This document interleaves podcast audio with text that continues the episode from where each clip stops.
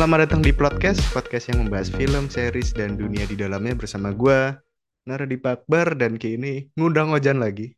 Halo, halo.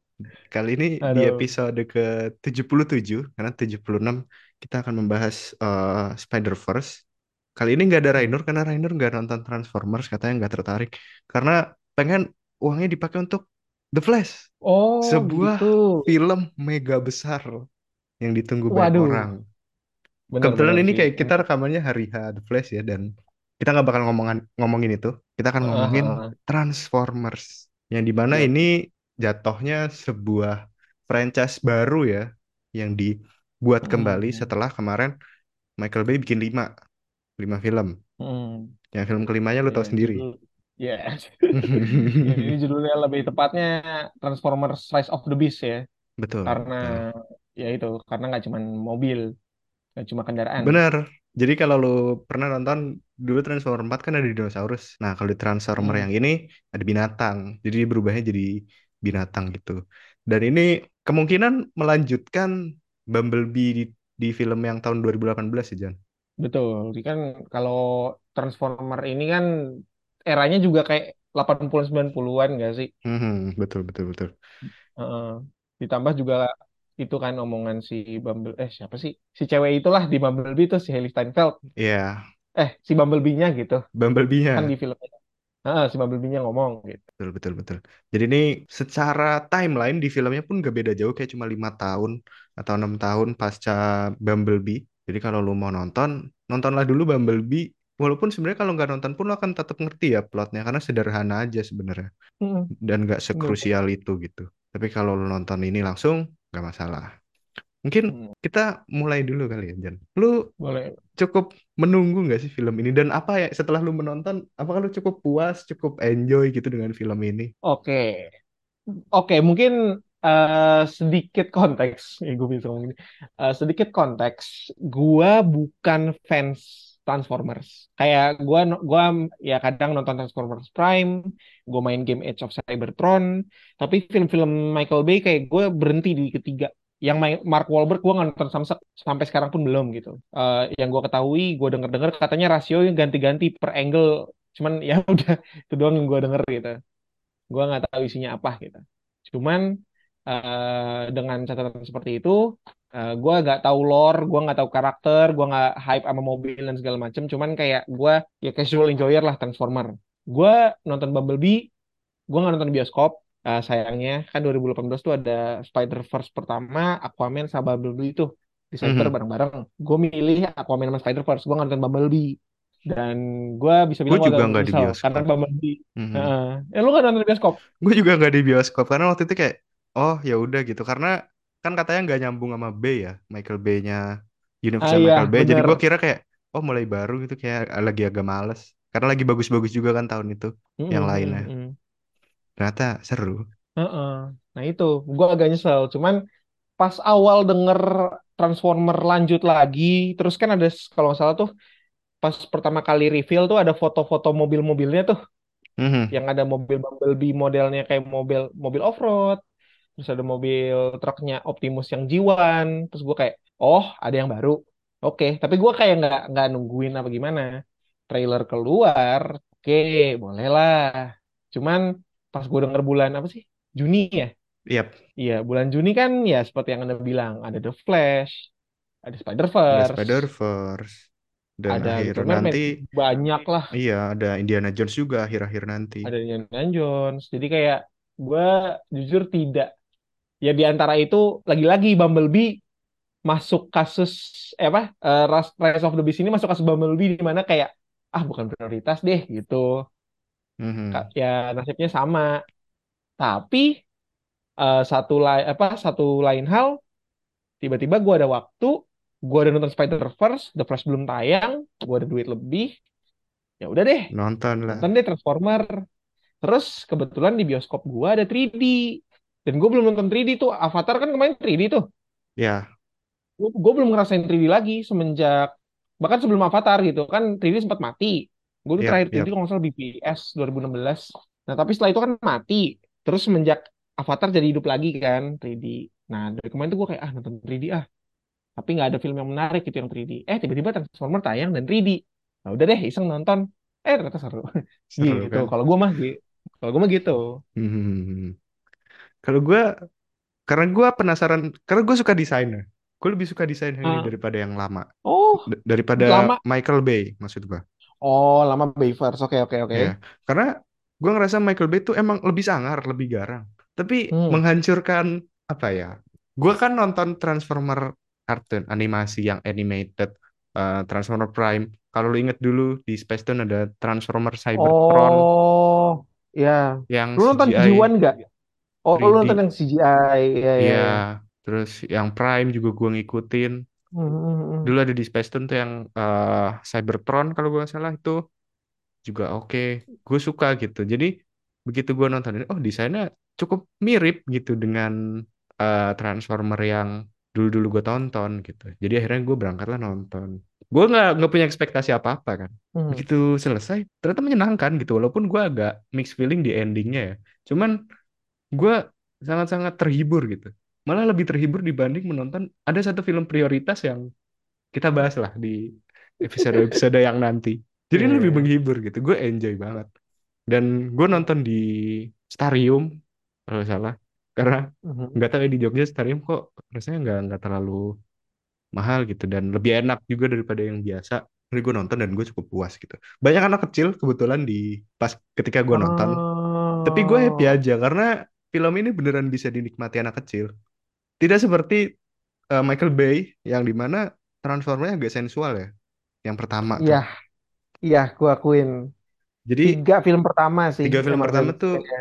cukup sensual gitu. Jadi ketika lo nonton ini, lo mau ajak anak-anak pun mereka kan have fun gitu.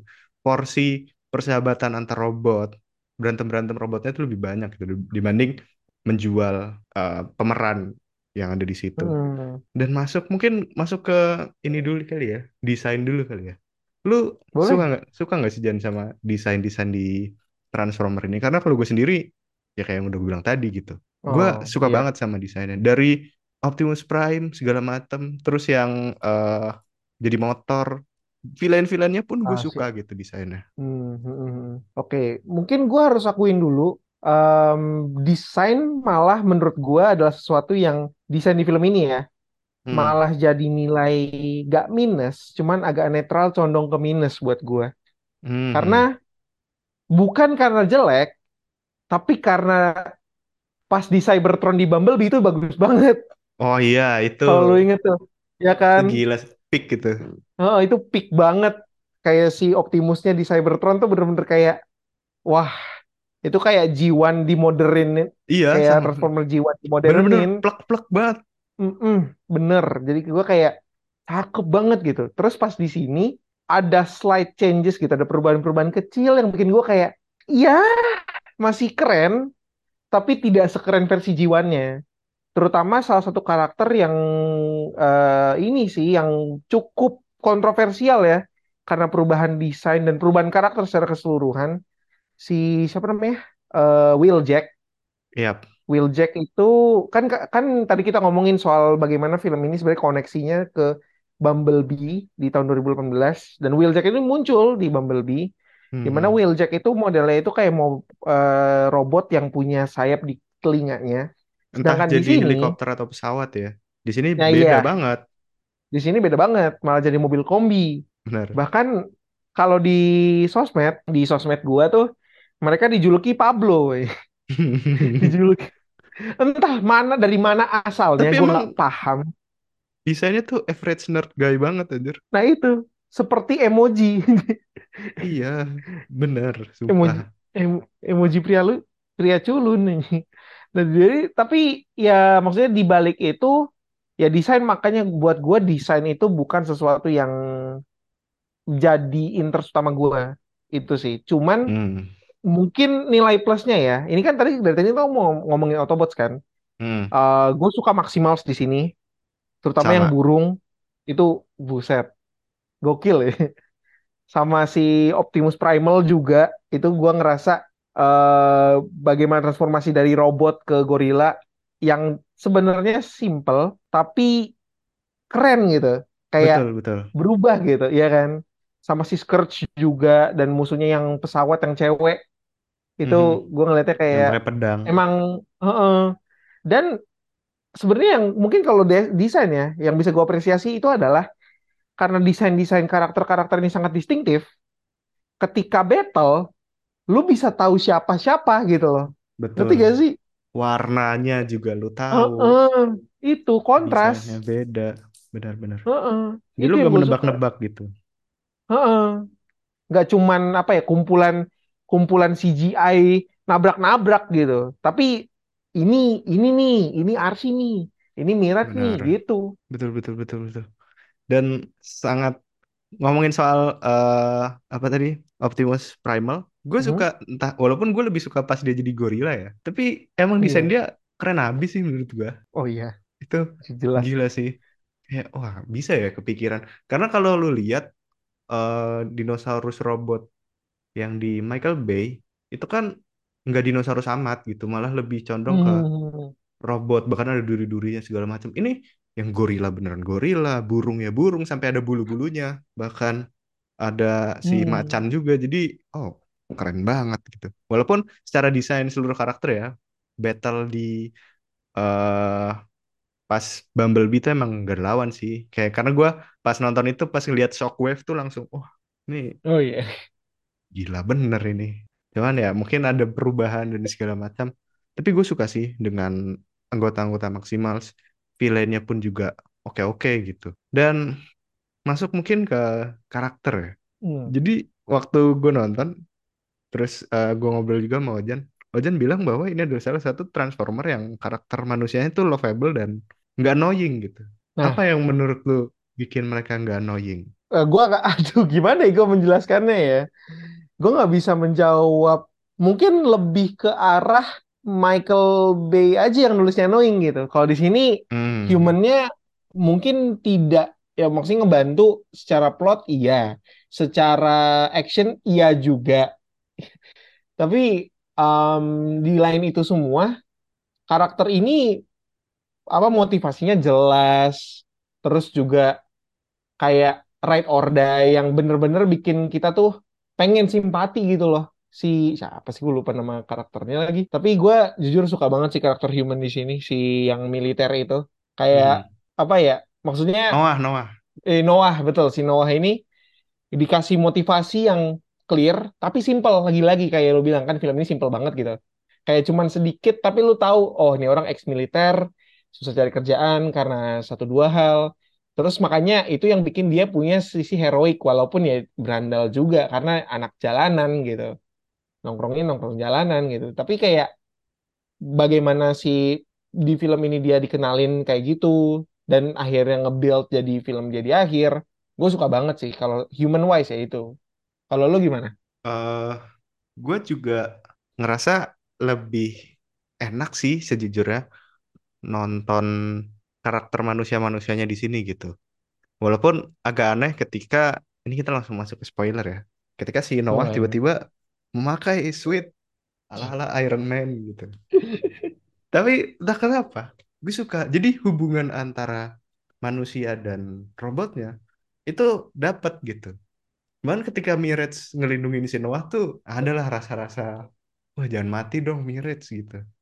Noah Hmm. udah Hmm. kayak udah best friend banget kan rasa-rasanya. Jadi Hmm. gue ngerasa manusia di sini tuh penting gitu. Bahkan kalau dipikir-pikir, manusia ini juga jadi alasan kenapa Optimus Prime berubah gitu. Karena kan ada pengembangan karakter Hmm. ya dari Optimus Prime yang awalnya Betul. dia cuma peduli gue pulang gitu. Terus Hmm. sampai akhirnya dia ketemu sama masyarakat adat Peru yang selama ini hidup bareng Maximals dan dia jadi kayak oh ternyata manusia juga melindungi saling melindungi antara si Maximals dan Optimus eh Optimus Primal gitu. Gue langsung kayak wah Hmm. ini baru nih namanya bikin karakter yang bagus di film-film yang full action gitu. Jadi enak ditontonnya. Hmm. Bener Gue gue suka aja sih. Iya, gue gak gue gue kepikiran juga tuh pas lo ngomong soal si Optimus Prime karena gue jujur tidak menduga kan kan selama ini kita lihat Optimus Prime yang udah udah matang jadi leader kan, udah Betul. matang segala macem gitu dari lima film Michael Bay dari awal gitu. Pokoknya dia paling Sedangkan kalau deh. di, Heeh. sedangkan di sini tuh kayak bahkan Primal aja bilang gue kecewa gitu ketemu dia gitu kayak Mhm. ditunjukin gitu karena eh, si Prime ini sepanjang film tuh kayak self blame self blame bawa semua Autobot ke bumi gitu dia Mhm. terus apa penuh dendam sama Scourge kayak oh lu spoiler lagi ya bunuh Bumblebee gue bakal iniin lu bakal gue iniin lu. Kayak kayak itu bukan leader like cuman kayak at the same time eh maksudnya tadi lu bilang nge-build gitu. Dan gue nggak menduga film ini bakal nawarin karakter development seorang Optimus Prime. Basically ini kayak deconstruction gitu loh. Kayak aduh ini comparisonnya absurd. Cuman kayak Batman v Superman gitu loh Batman yang dikasih bukan Batman yang lu biasa kenal gitu. Tapi Iya, over time berubah gitu. Dan gue suka gitu di sini. Jadi at least ngasih dinamika yang gue nggak pernah lihat sebelumnya di film Prime. Dan role leadership yang bener role leadership yang udah kuat dan kenceng udah dipegang sama Primal gitu. Gitu jadi iya. gue kayak Mhm. gue suka sih karena lucunya adalah kan kalau lu nonton uh, Michael Bay Transformer, lu kan melihat bahwa Optimus Prime tuh bijak, nebar quotes, berantemnya lebih mantap. Gua ngerasa di sini malah Optimus Primal as a leader itu jauh lebih baik daripada Prime di awal-awal gitu. Kayak oh iya bener-bener seluruh uh, timnya dia itu adalah keluarganya gitu. hmm, Jadi bener kayak wow wow ini Keren sih. Gue nggak nggak ngira bakal ada karakter development dari karakter-karakter di robotnya gitu. Gue kira hanya manusianya aja. Ternyata ada. Itu yang bikin gue suka gitu. Dan ngomongin Bumblebee juga, Bumblebee tetap menyenangkan ya di mana pun gitu. Entah di Michael Bay atau di oh sini. ya Even dia mati oh lama ya, ya terus oh ya hidup, itu tetap menyenangkan sih. Kedatangannya dia tuh langsung mengubah suasana gitu. Gue suka. si kuning bos gimana bener, bener. ya memang kalau Bumble, Bumblebee aja bisa nge-carry franchise ini untuk hidup lagi bisa nge-revivein film. Ya bagaimana di film ini dia nggak scene filler gitu. Betul, jadi gue betul. kayak setiap si Bumblebee muncul. Makanya walaupun gue tahu di trailer ada Bumblebee lompat dari pesawat Hmm. tapi pas Bumblebee mati tanda kutip gue shock. Gue shock. Gue gue beneran gitu kayak wait kok mati terus Iya, yang di pesawat itu bohongan. Karena gue nggak tahu. lagi. Ha. Heeh, awal banget. Gue kayak how revive-nya gimana? Gue nggak kepikiran. Gue nggak tahu energon energon dan segala macam. Gue nggak mungkin gue gue yang agak agak blinded apa gimana ya? Gue nggak tahu. Cuman kayak gue nggak menduga oh ini bakal di revive nih di film ini. Gue gue kayak ya ada sedikit shock dikit lah gitu. Jadi gue kayak ya asik sih gitu. Asik, asik. Betul, Heeh, betul. heeh. Dan tapi oh mungkin gue pasang dikit, Jan. hmm, Lu sadar nggak sih bahwa di Transformer ini, Autobotnya tuh kan dikit. hmm, bener bener Itu yang bikin karakternya terbagi rata. Gue ngerasa di Michael Bay, ini sorry ya kalau comparison. Di Michael Bay, itu Autobot keluar masuk banyak. Yang tiba-tiba ada yang gendut bawa senjata banyak banget. Ada Ironhide, ada siapa, segala macam. Mati, terus nanti ada lagi, mati segala macam. Kita tuh nggak punya rasa sayang gitu terhadap karakternya. Karena si di Autobot ini cuman siapa sih Optimus Prime, Mirage, Bumblebee, RC RC. Itu ya. eh itu ya eh, Yang yang yang intinya utama itu yang ya. yang intinya empat iya Ya intinya empat kan, sisanya tuh tambahan sama yang pesawat butut itu. pesawat butut sama si Pablo tadi Iya si betul. Wheeljack Jadi gue ngerasa seneng gitu. Bahkan RC yang sebenarnya gue ngerasa nggak sebanyak itu scene-nya, gue suka gitu dengan karakternya.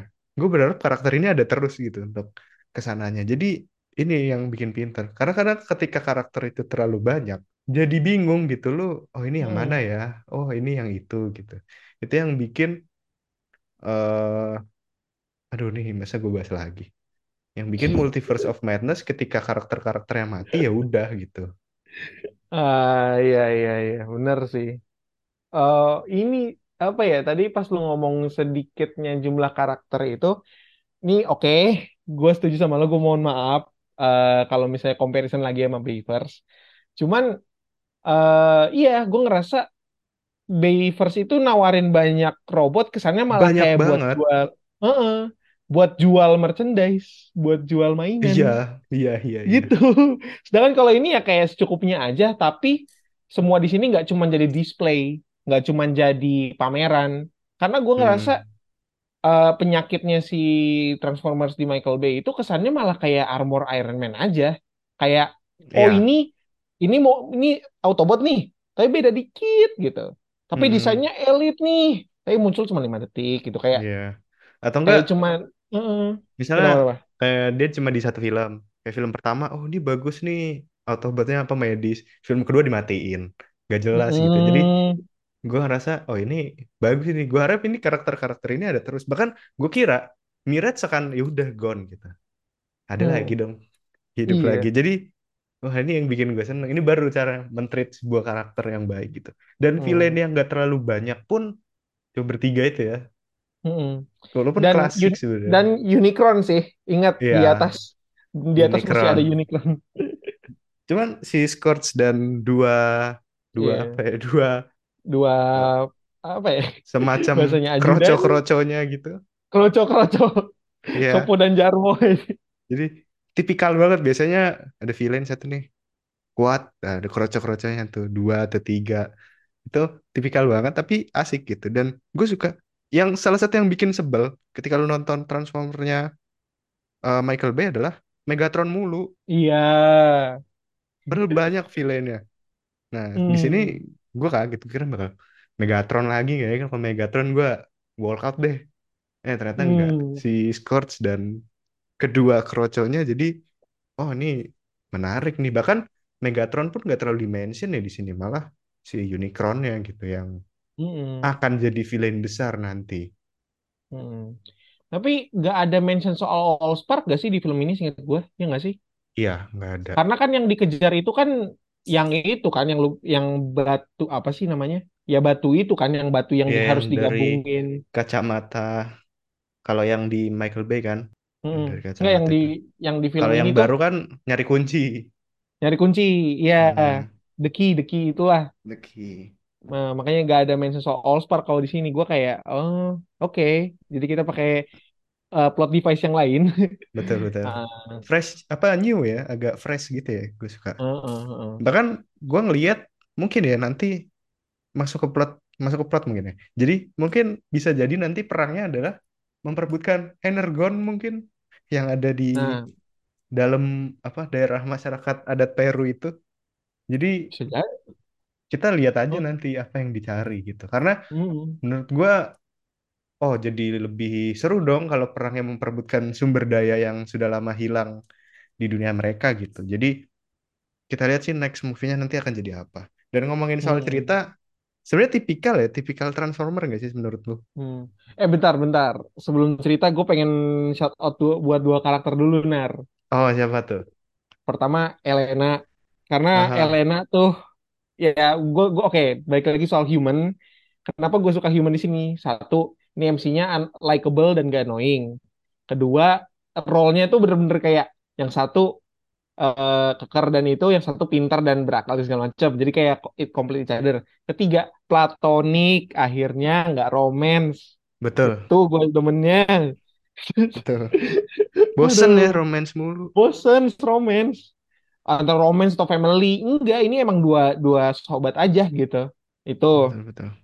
Terus tadi kalau karakter dari tadi lu sebut-sebut eh, robot, lu sebut Scourge, lu sebut Primal, lu, lu lu lupa menyebutkan MVP dari film ini, Nar. Apa? Mirage. Oh iya, Wah, itu gue jujur masih tidak menyangka gue bilang ini, tapi Mirage adalah bisa dibilang salah satu role terbaiknya Pete Davidson selama main film. iya, gue betul, bahkan betul. go out of way to saying that karena asli ini penulisan karakter Mirage ini sengak tapi nggak annoying gitu.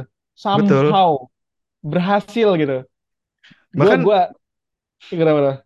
image Pete Davidson yang kadang lu nggak seneng, di sini nggak kelihatan gitu ya. Lu ngelihat ini sebagai Hmm, Mirage gitu. hmm, hmm, gitu. Dan kayak apa skill set yang dibawa sama Mirage ini kayak skill set yang fresh tapi nggak OP juga yang ya basically nambah dinamika baru di Autobot ini di grup Autobot ini. Yang satu robot, yang satu Bumblebee, yang satu Optimus, yang satu Mirage. Ya Mirage kekuatannya memang lebih powerful dibanding yang lain tapi ya Mirage minusnya adalah dia tuh sengak tadi. Ya, tapi selengean. nggak- selengean bercandaan gitu. Tapi itu yang dan itu juga dynamic antara si apa Mirage sama si si Noah. Louis ya Noah ya si Noah. Louis. oh Louis Eh, si Noah sama si eh, Mirage itu itu asli lebih baik daripada semua human dan eh, robot itu. Mau Sam sama Bumblebee mau si yang itu si siapa? Eh oke. Mungkin mendekati si ba- eh, si Hailey Steinfeld sama Bumblebee kali ya cuman Mhm. ya antara ya setara lah secara Setara, dinam setara. eh, eh, secara dinamika antara si robot dan itu kayak karibnya gitu gitu sih Malah lebih lebih sahabat sih daripada di Michael Bay dulu. Gue ngerasa pas Michael Bay dulu tuh ya just kerja sama aja gitu. Bukan yang hmm sobat. Kalau ada yang mati nangis gitu. Itu enggak men. Tapi di sini tuh Iya. gue sampai kayak ya Mirage jangan mati dong. Masa mati gitu. Karena sayang aja gitu karakter sebagus ini kok dimatiin ternyata enggak. Itu yang gue sangat-sangat ape- Iya. apresiasi lah dari film ini. Dan lu tau gak sih si Will Jack yang nerd abis tuh pengisi suaranya yang main di Ted Lasso anjir. Hah? Wait. Wait, wait, wait, wait, wait, wait. Bentar. Oh, itu siapa namanya? Aduh, Dan Dani Rojas ya. Iya. Hmm, Waduh, nggak kaget sih. Nah, makanya gue iya. gue juga lagi lihat cashnya, terus gue kayak lihat mukanya, kok kayak kenal, rambutnya panjang. Oh ya Dani Rojas. Aduh, itu itu juga gue nggak apa gue itu lucu banget sih. Eh, pas pertama kali introduce Wheeljack, gue nggak tahu kenapa gue ketawa anjir. Eh, sama humor itu. Aduh, itu sih gue juga. Komedinya asik sih Hmm. film ini. Ya tadi lu bilang kayak komedinya nggak annoying tapi ya enjoyable gitu. Oh, one thing tentang karakter. Oke, apa Dan tuh? ini banyak deh kalau bahas karakter. Si pesawat butut itu, gue kira dia bakal ikut berperang. Tonjok-tonjokan ternyata nggak dia kurir doang gitu. Dia, Iya, gue kira dia bakal kayak, eh, lu ingat nggak sih di Transformer dulu, si Optimus Prime ketemu SR-71, yang terus akhirnya dia ngasih Oh, jantungnya, habis itu combine. nyatu. Iya, Ya, ternyata nggak dia kurir doang, kurir butut gitu. Ya, ku, literally kurir doang. Iya, Dia jadi gede, gede tapi nggak bisa lucu. berantem. Heeh. Heeh, Jadi lucu nih karakter ini. Suka. heeh. Aduh. Dan mungkin gitu kali maksudnya gimana ya? Daripada Autobots dibikin banyak terus semua ikut perang tapi cuman screen time dikit, mending ya tadi ada robot yang emang buat kurir doang, ada robot yang buat Hmm, jadi tour guide gitu kan. betul, betul, betul. kayak si Wheeljack kan basically kan tour guide Iya, Peru ya. tour guide doang dia.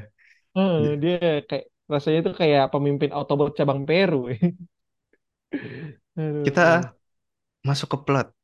Tadi gue lupa lagi nanya, nanya apa ya? Lu enjoy gak sih Jan sama plot di film ini ceritanya gitu? Karena gue sangat-sangat dikecewakan sama Transformer 5 yang lompat-lompat tiba-tiba hmm. lawan Nazi deh kalau nggak salah. Out Iya of bener, nowhere banget itu tuh.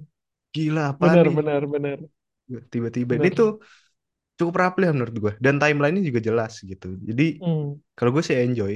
Lu gimana? Hmm. Ini oke, Gue gue yakin ini adalah bagian yang agak divisive karena gak semua orang suka hal seperti ini. Cuman gue ngerasa kayaknya dari semua film Transformer yang gue pernah nonton, kayaknya ini plotnya yang paling simple dan kayak ini bukan plot yang simple dalam artian lu turn off brain ala-ala Bayverse ya.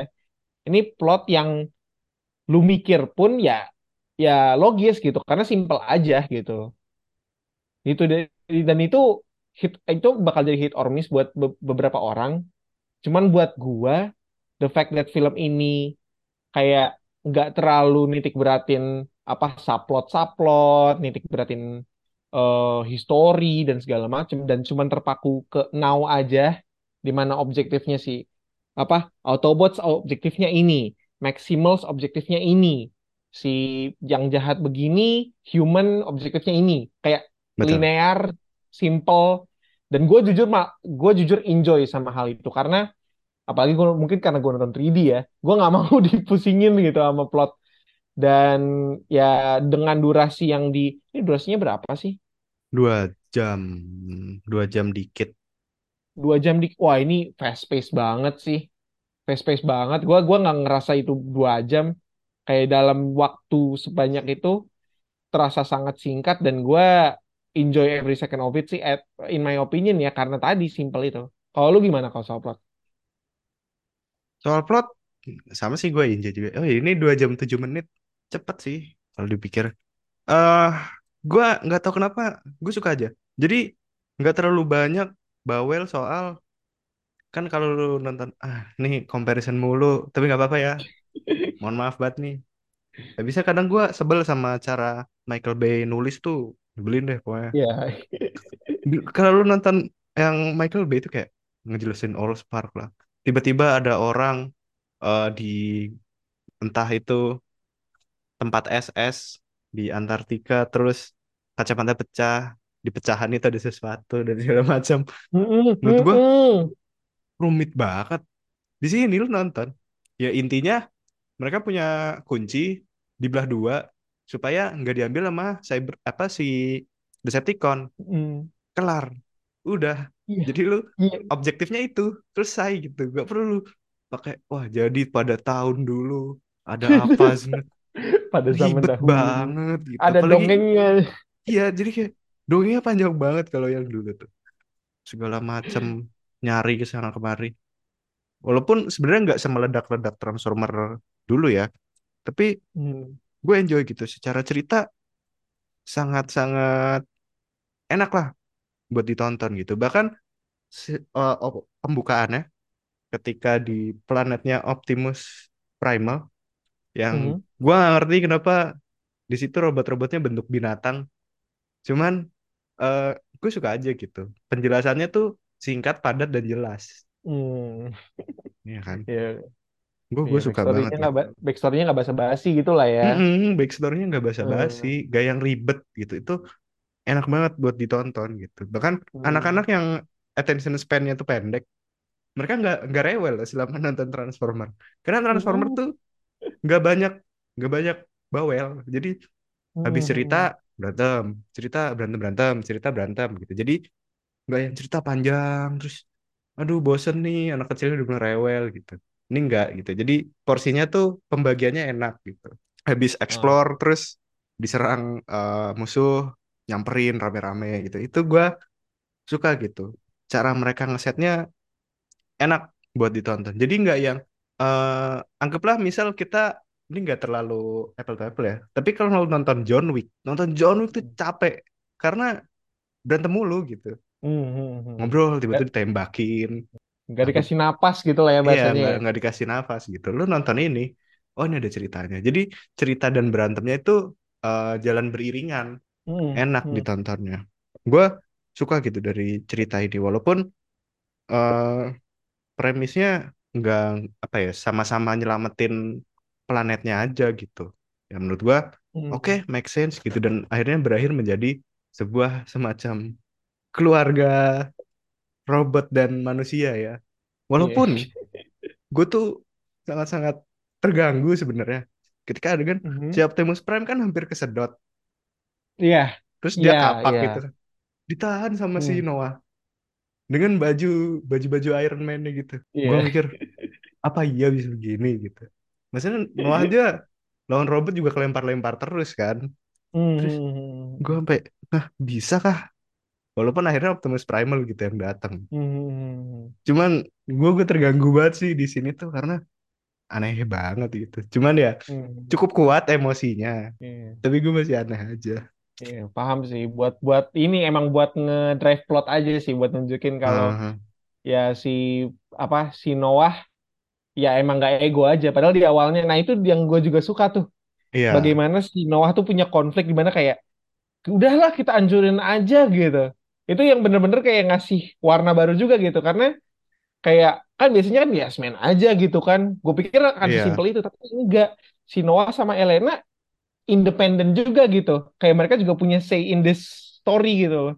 Kayak ya udahlah, apa kita hancurin aja gitu biar bodo amat lah Autobot gitu. Dan itu kan kayak bikin konflik dan kayak itu, itu itu juga yang pas kita ngomongin soal karakter gue juga lupa mention bagaimana ada satu adegan yang gue jujur ini kayak sim- singkat gitu cuman gue suka banget ketika si Noah udah megang kunci di tangannya terus pengen hancurin terus si out si Optimus datang si Prime dan terus bilang jangan jangan diinin gue mohon gitu gue kayak ini lumayan ini ya lumayan Kapan kompleks ya kapan lagi lo lihat Optimus Prime memohon gitu. Heeh, heeh. Dan it- itu juga kayak eh, bagaimana si di film ini juga kayak nge ngegali lebih dalam ini baik lagi karakter sih, cuman utamanya ini juga subplot ya gue bisa bilang kayak Mhm. di sini kan utamanya goalsnya si Autobots itu adalah untuk kembali ke rumahnya gitu. Iya, Dan bagaimana film ini ngegambarin si ya ada beberapa yang sudah nyaman hidup di bumi kayak Bumblebee dan Mirage gitu. Dan kayak RC dan itu kayak kayak ngegambarin eh, hidup di bumi itu enak. Cuman kayak eh, subplot di mana eh, Optimus pengen balik gitu. Terus Maximal sih gue gue suka banget bagaimana semua subplot ini tuh di sopan gitu loh maksud masuknya menurut gue betul. kayak kayak itu itu nyambung gitu jadi satu plot ya. Dan makanya gue bilang kalau lo pilih plot utamanya itu simple. Cuman subplot-subplot itu tentang manusianya yang ego, tentang Optimus Prime yang ya masih masih sakit hati, masih depresi, tentang si Primal yang yang sangat amat bijak dan chat, eh, giga chat gitu ya, Giga Chat. Tentang Scourge yang ya gua nggak gua gua oke mungkin menurut gue yang agak agak ini yang agak problem itu mungkin di villain. Di mana gue villain gue ngerasa betul. motivasinya tidak sejelas itu. Walaupun actionnya gue suka, dia ngebunuh Bumblebee itu rising stakes dan itu kayak itu menarik gitu loh. Ya basically kayak udah Leonardo Megatron dan bagaimana plot apa bagaimana cerita ini mengakhiri kisah Scourge itu gue suka banget dan temen gue juga setuju kayak bilang eh, akhirnya gue bisa ngelihat eh, Optimus eh, ngebunuh apa ngalahin musuhnya secara satisfying dan gue setuju sama hal itu. Iya, Cuman satisfying sih. Oh, satisfying banget killnya. Fatality. Bener-bener. Fatality, cuy. Cuman mungkin walaupun satisfying kill eh, apa eh, final blow-nya, tapi yang bikin gua agak less satisfying itu karena karakternya menurut gua si Scorch dan plotnya juga si Scorch ini cuman kayak pengen pengen ngacauin hidup Primal, terus pengen jadi budak budaknya siapa? Unicron. Dan Kalau itu bukan Hah? kalau dipikir-pikir si Scorch ini basically Steppenwolf ya. Iya. Iya, ini comparison yang baik sih, bener. Kita Iya compare kan? sama DC lagi. Dia nggak Iya. punya dia nggak punya tujuan, dia cuma budak dari tuannya si si Unicron itu kan. Heeh, heeh, heeh, heeh. Bener, bener. Iya. Dan itu yang bikin gua kayak, ya tidak sejahat itu, cuman actionnya aja yang bejat gitu. Iya, betul betul. Tindakannya aja yang kayak, wah gila sih. Gua nggak menduga sih seperti itu. Cuman secara menacing, secara plot dan segala macam, dia biasa aja gitu. Karena Mhm. ya big mastermind-nya ya Unicron gitu. Betul betul betul. Sama Starscream aja sebenarnya lebih lebih Iya, oke Starscream sebenarnya. lebih menakutkan, Lebih lebih lebih menakutkan, mm, lebih punya apa ya sisi psikonya tuh lebih ada di Starscream. Cuman mm, oke lah, karena ketutup dengan karakter protagonisnya yang mantep-mantep gitu. Bahkan gue kira Optimus Primal itu cuma desain, tapi mm. ternyata kelakuan pun iya. Waktu dia kabur tuh pakai tangan gitu, dia manjat-manjat. Jadi oh iya nih si apa Donkey Kong ini. Jadi gue suka nih di sini. Dan eh, seperti biasa ya, kalau Transformer setelah perang diakhiri dengan apa? Berjejer dan quotes. Iya. Ngadep ngadep matahari gitu. Oh ini sangat-sangat klasik Transformer ya. Dan Hmm. theme songnya Nah, Optimus Prime balik lagi dong. aduh. Ini nih, Iya itu. gue gak ngira sih. Hmm, mhm, Karena mhm, karena ini baru. Gue kira bakal dia pakai baru gitu. Oh ternyata enggak. pakai lagi gitu yang dulu. Tapi memang bagus sih, memang bagus gitu. Dan gak, gak cuman bagus, ikonik dan placementnya Iconic. pas gitu. Hmm, hmm, Di mana hmm. kayak dari awal ada sedikit gitu. Cuman dan lu bilang ini kan ini ini sebenarnya timnya Autobot mungkin, tapi kalau lu bilang ini tim Optimus, ini balik lagi ke karakter lagi Nar, di mana Mhm. Optimus Prime full jadi Prime, jadi leader yang dia supposedly di film-film Transformers setelahnya, dia baru dapet tema itu gitu loh. Jadi Iya. masuk ke narasi gitu. Gue nggak ngepikir sampai situ. Cuman gue cuman ngelihat final scene dengan lagu tenenenenenet. Gue kayak wah. Bahkan Musik-musiknya gue juga bagus ya. Musik-musik yang musik lainnya pun. Mm-mm, enjoyable gitu. mm-mm. Apa ya? Eh gue ngerasa sih kalau soal secara tim song apa secara soundtrack gitu scoring memang tidak sememorable ya Transformer yang sebelumnya ya gak ada ikonik yang Iya, ikonik ya yang diulang-ulang yang di apa iya yang ya itu. callback yang callback cuman eh ya despite begitu eh, mungkin kalau secara, secara scoring gue nggak bisa komentar banyak intinya mah serviceable untuk plotnya cuman Yap. yang gue apresiasi sih lebih ke ininya sih si- eh, sound effects-nya gitu loh Yap. kayak apa sih suara oh ini eh, lu tahu kan si Scourge udah punya dua kroco dia punya kroco mini lagi Iya iya tuh. Yang gitu kayak yang lab laba-laba. yang kayak laba-laba itu tuh Iya. adegan yang di mana mereka merayap di museum eh di museum di apa sih ya tempat inilah tempat eh, perawatan barang-barang ini barang-barang artefak Barang antik. Barang-barang antik itu tuh gue akuin somehow tiba-tiba jadi film horor aja Iya iya iya bener-bener iya bagus dan banget bikinnya. Heeh, heeh. Itu dan itu kebantu amat sama sound design yang scoringnya tiba-tiba jadi pelan. Terus suara robotnya dibikin pelan-pelan. Gue Iya. kayak kok jadi horor nih. Itu yang Jump gue scare gue lagi. iya jump scare lagi. Itu makanya gue kayak wah oke gitu. Makanya gue gue satu hal yang gue bisa apresiasi sih uh, instead of scoring ya karena kalau scoring utamanya gue suka callback tapi sound design dan sound effect sih terutama itu kayak ini ngebantu banget kayak bikin uh, film ini jadi lebih keren dari yang itu dari dari seharusnya gitu. Betul betul betul betul betul. Sound ngomongin soal sound juga berubah-berubahnya seperti biasa satisfying. Mhm. Tembak-tembakannya juga enak gitu loh didengarnya. Suara Hmm, tembakannya tuh oke banget gitu. Gue sangat-sangat mencintai ini gitu. Ledak-ledakannya juga oke. Terus gue tuh selalu heran dengan Transformer. Di kenapa saat superhero-superhero dengan budget 200 juta, 300 juta, CGI-nya Hmm, ampas, Transformer tuh nggak pernah sejelek-jeleknya cerita ya. CGI-nya tuh bagus terus gitu. Di film ini pun juga gitu. Gue heran apa apa ya treatment yang mereka lakukan gitu sampai bisa bikin cukup rapi gitu. Padahal kan kalau kita lihat semua hampir semua adegan tuh pasti ada CGI-nya di Transformer ini gitu karena hmm. robotnya kan CGI. Tapi rapi banget, gue suka banget gitu di sini. Gue punya jawaban untuk pertanyaan lu itu. Apa? Itu cuman perkara let the visual effects cook. Udah itu aja. Ya sih, Perkara sih. waktu, perkara waktu. Kayak lu bilang tadi film-film superhero saat ini keluar budget 200, 300 juta. Tapi tahap produksinya berapa lama sih? Gitu loh. Benar, benar, Eh, benar, benar, benar. Iya kan? Sedangkan Iya Transformer ya ini ya. memang memang butuh waktu gitu loh. Dan berjarak Gue ya baru gue baru sadar itu. Transformer itu keluar tiap beberapa tahun sekali ya. Heeh, Nggak sesering itu.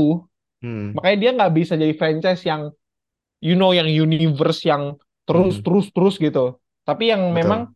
ya keluar sekali sekali gitu. Transformer tuh kayak mungkin eh lima lima atau tiga tahun sekali lah keluar. Kalau superhero tuh tiap tahun ya, dan studionya pun bawel gitu. Jadi Hmm. banyak lah ke tidak jelasannya gitu. Jadi oh iya ya, gue baru sadar ini kan Bumblebee tuh 2018, Hmm. lima tahun tuh ke 2023 ini baru bisa menyediakan Transformer. Iya sih, gue salah satu yang mungkin perlu diapresiasi dari ini tuh masih dipegang Michael Bay gak sih si studionya, Produser, iya jelas. Produser masih masih, kan. masih. Yang Hmm. harus gue appreciate dari Michael Bay adalah dia sabar gitu. dia sabar untuk Transformer Hmm. tuh masaknya lama gitu nggak bisa kejar tayang karena Hmm. kalau kejar tayang Secara kita- visual effect. betul karena kalau kejar tayang visual Heeh. efeknya kayak PS3 ntar si Oh iya. Transformernya ya kan pasti bakalan kasar banget gitu. Heeh. Jadi ini benar-benar detail banget gitu. Sampai kalau lu tahu kan binatang-binatang si Optimus Primal tuh kan ada gerakan-gerakan detail. Terus hidungnya keluar asap. Itu kan detail. Jadi Hmm. bener-bener attention to detail gitu. Bagus. Gue suka sih. Mereka menteri Transformer ini nah ini sih. Mungkin karena eh, Transformer lu mau bikin dan keluarin di tahun mana pun, itu kayak nggak pernah mati gitu loh. Akan selalu laku. Jadi dia Hmm. berani budget gede pun bikin 10 tahun sekalipun orang malah tetap nonton gitu dan laku. Jadi Bener, bener. hebat sih ini salah satu yang menurut gua oke. Dan sebelum terlalu lama, Heeh. jadi kan masuk ke ending nih. Hmm. Setelah ending quotes-quotes menghadap matahari, dipanggillah si Noah sama bapak-bapak gitu yang tiba-tiba Ya, dia kerja tahu lah. Dia dia nawar Iya. kerja. Dia nawar kerja. kerja. Tiba-tiba tahu Noah nih kerja sama sama Transformer. Dikasihlah kartu, dibalik Iya. G.I. Joe. Gue masih Aduh. nggak ngerti walaupun menurut gue G.I. Joe akan lebih cocok ditaruh di latar waktu 90-an dibanding modern. Hmm. Oke, gue Tapi setuju soal itu. masuk nggak sih kalau sama Transformer? Kan lo bayangin G.I. Joe yang ada siapa tuh yang pakai baju hitam? Snake ya? Snake Eyes. Snake Eyes yang pakai pedang gitu. Masa lu mau adu silat sama Optimus Prime? Nggak mungkin Aduh, dong.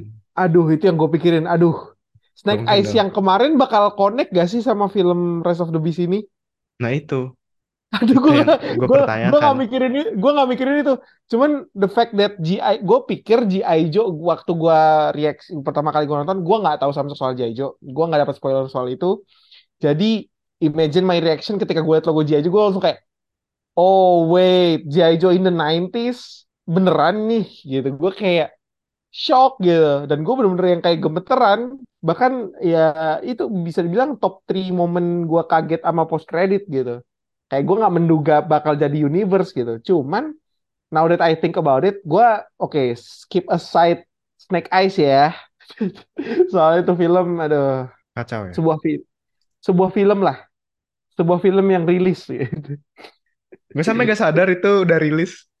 Udah, tiba-tiba tiba-tiba HD, Iya, gue tiba-tiba. Netflix gitu. Cuman kayak eh, mungkin eh, tadi ya, gue setuju sama lo soal G.I. Joe preferably rilis di 90s. Gue setuju soal itu. Cuman Hmm. eh, apa yang bisa gua add ke G.I. Joe adalah mereka udah ngelakuin G.I. Joe ini dua kali dan dua-duanya itu ada yang bisa diambil ada yang bisa dihindarin itu bahkan tiga kali mungkin kalau lu hitung Snake Eyes ya dan itu Gak usah, gak usah ya dihitung. ya, ya, ya. Nggak oke anggap saja dua gue juga nggak pengen sebenarnya gue nggak pengen anggap. Joe udah pernah adaptasi sih sekalian ya cuman let's say kita anggaplah itu G.I. Joe itu udah bisa jadi pelajaran banget. Kalau lu nggak bisa bikin. Joe jadi full expendables KW, dan lu nggak bisa bikin. Joe jadi espionage plus CGI, lu nggak bisa ngelakuin dua itu. Jadi apa yang lu perlu lakukan? Kalau gua mungkin bikin film Modern Warfare, that's it. Bikin film COD aja, bikin cutscene COD. Hmm. Dengan teknologi, Yap, yap. let's say kalau lu pengen teknologi eh, technological ad, technologically advance, bikin aja kayak eh, apa troops-nya di Avatar. Iya, Kalau lu pengen kayak gitu. Kayak gue tuh udah kepikiran ke sana kalau G.I. Joe dibikin modern-ish dan apa yang mereka fight ya King Cobra lagi-lagi. Itu udah itu udah as, as always ya. Iya, udah formula. Ya basically lu ya kayak lu bilang mungkin lu benci fakta bahwa Megatron adalah musuh trans- eh, musuhnya Optimus Prime sepanjang film. Tapi nyatanya Megatron itu adalah hater terbesarnya Optimus Prime dan itu udah kayak udah sejati lah kayak Batman Joker Kayak Batman gitu. Joker ya. Lu mau, Heeh, gue bosen liat Joker, tapi someday itu akan keluar gitu. heeh. Like udah it was meant to be gitu. Jadi kayak G.I. Joe kalau misalnya in modern times musuhnya siapa ya King Cobra gitu Iya. aja nggak usah nggak usah plotnya lawan negara A lawan negara B nggak usah. Udah King Cobra aja gitu. Dan Yap. sebenarnya juga kan King Cobra yang yang di film pertama tuh gue suka banget eh, fakta bahwa King Cobra udah nge-infiltrate eh, pemerintahan sendiri gitu. Itu kayak waduh. Cuman ya eh, di Retaliation eksekusinya agak-agak eh, eh, sih agak tanya cuman ya gue bilang tadi eh bisa. Dan dan apa ini doable dan gue tertarik sama bawaannya ini ke mana. Apalagi kalau misalnya lu punya lu punya karakter-karakter, maksudnya tadi nih, kalau misalnya mereka bisa nerapin eh, apa sih bahasanya karakter-karakter yang fun ini dan terapin itu di. Joe, itu bagus sih. Soalnya kayaknya nih formulanya untuk film-film Hasbro udah ketemu karakter over karakter over story gitu. Lo bikin plotnya sebiasa aja, selama karakternya itu enjoyable, Bisa selama dialognya sangat bisa dinikmati ya. sangat bisa dinikmati. Jadi gue rasa ya looking gue gue jujur uh, memandang ending dan uh, ya the whole Hasbro universe looking forward gue memandang itu secara positif sih gitu kalau gue. Oke, oke. Walau gue jujur ya, jujur gue masih belum bisa masuk tuh yang namanya G.I. Joe uh, battle pakai pedang tiba-tiba lawannya Optimus keluarin kapak. Ah iya. Nah, ya udah udah males deh. Tapi kita lihat nanti akan jadi seperti apa. Karena kelihatannya menarik. Ngomongin soal uh, Transformer, kalau orang bilang bioskop sekarang jadi wahana, gue fine aja jadi wahana kalau kualitas filmnya kayak Transformer. Sangat enjoyable. Ditontonnya tuh enak gitu. Much better Hmm. daripada lu taruh film-film model Fast X yang udah kayak film cuci uang. Jadi gue. Gue setuju kalau misalnya yang dihadirkan ini sangat enjoyable, enak ditonton walau nggak berat, mungkin nggak terlalu sinema-sinema banget, tapi asik ditontonnya. Lu kelar nonton puas, lu bayar eh, mungkin tiket di bioskop yang mungkin IMAX lah atau kualitas-kualitas top worth it menurut gua untuk nonton film kayak gini. Lu Hmm. dapat entertain, lu dapat ledak-ledakan, lu dapat cerita yang tidak buruk dan karakter yang Hmm. sangat memorable gitu. Jadi kalau masih ada, tontonlah di bioskop. Daripada, masa gua nggak perlu bahas ini lah. Ada lah satu film yang menurut gua lu skip nggak Ya. apa-apa deh gitu Mungkin aja. intinya intinya kalau lu pikirannya sama kayak gua tadi eh, film-film bulan Juni lu taruh ini di prioritas bawah, saran gua naikin prioritas itu itu Naikin, aja sih. Ya nggak sih? betul, betul. Heeh. Itu Naikin, lu mau ajak anak-anak pun menurut gua fine. Mungkin kalau umur 13 ke atas dia akan sangat enjoy karena aman gitu ditonton anak-anak pun aman gitu. So, Hmm. ada lagi yang lu mau tambahin, Jan? Udah sih, kayaknya udah kita udah banyak juga nih ngomonginnya Ada nih. banyak, betul, betul, betul. Jadi mungkin segitu aja.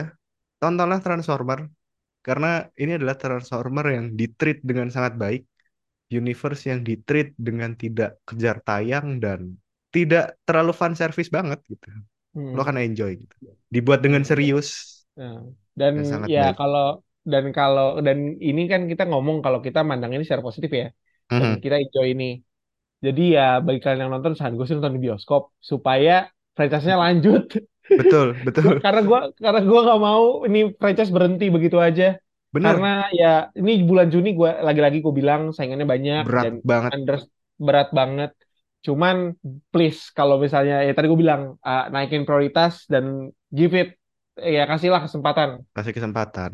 Ya itu karena asli sih film kayak gini kayak tadi lu bilang soal film ini wahana segala macem gue dan ya terkadang kita butuh film-film kayak gini gitu. Film yang film live action yang simple aja yang asal dardor dardor yang mindless mindless fun tapi nggak tapi masih masuk akal. Bukan enggak bukan turn off brain. Mindless tapi nggak turn off brain. Turn off kadang kita butuh iya kadang kita butuh film-film seperti ini jadi kayak Betul, ya betul. you know kalau Nalarnya masih jalan.